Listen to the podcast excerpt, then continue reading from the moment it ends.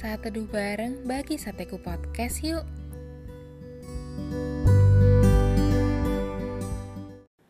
Topik saat teduh kita hari ini adalah dari pecundang jadi pemenang.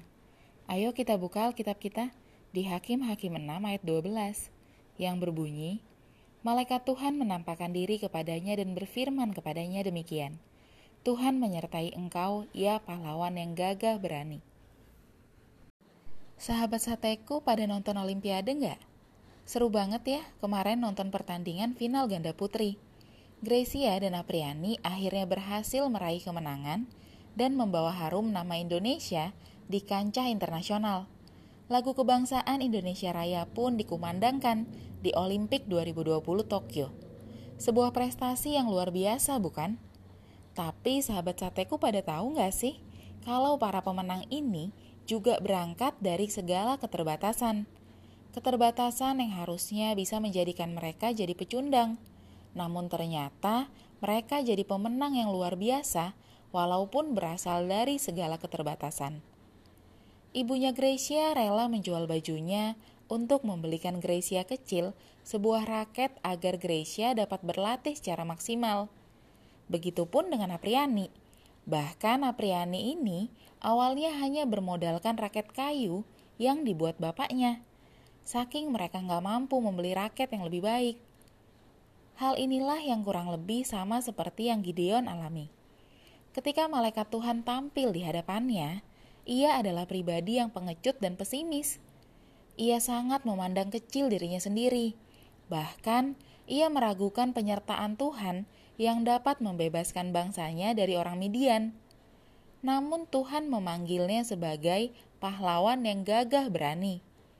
Gideon pun akhirnya bangkit dan tercatat sebagai salah satu pahlawan hebat dalam Alkitab. Sesungguhnya bukan kekuatan atau kemampuan kita yang Tuhan perlukan untuk membawa kita pada kemenangan, tetapi iman kita akan perkataan Tuhan seperti yang Gideon lakukan. Kita memerlukan iman yang kuat untuk percaya bahwa kita pasti menang sebelum berperang, karena ada Kristus yang tinggal dalam hidup kita. Ketahuilah, Tuhan gak membutuhkan panglima perang yang hebat maupun pasukan yang besar jumlahnya. Selama Tuhan menyertai, maka perkara besar pun dapat kita lakukan bersama Tuhan.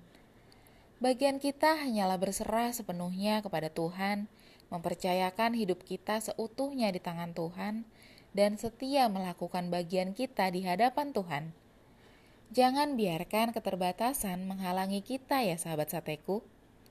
Jika kita mengizinkan Tuhan berkuasa penuh atas hidup kita, maka Dia pun akan memakai kita untuk melakukan perkara-perkara besar bersama Dia, sehingga melalui kelemahan dan keterbatasan kita sebagai manusia kuasa Tuhan dinyatakan sempurna dan nama Tuhan dimuliakan melalui hidup kita. Iman kita akan perkataan firman Tuhan yang disertai dengan perbuatan itu lebih dari cukup untuk membawa setiap kita dari pecundang menjadi pemenang.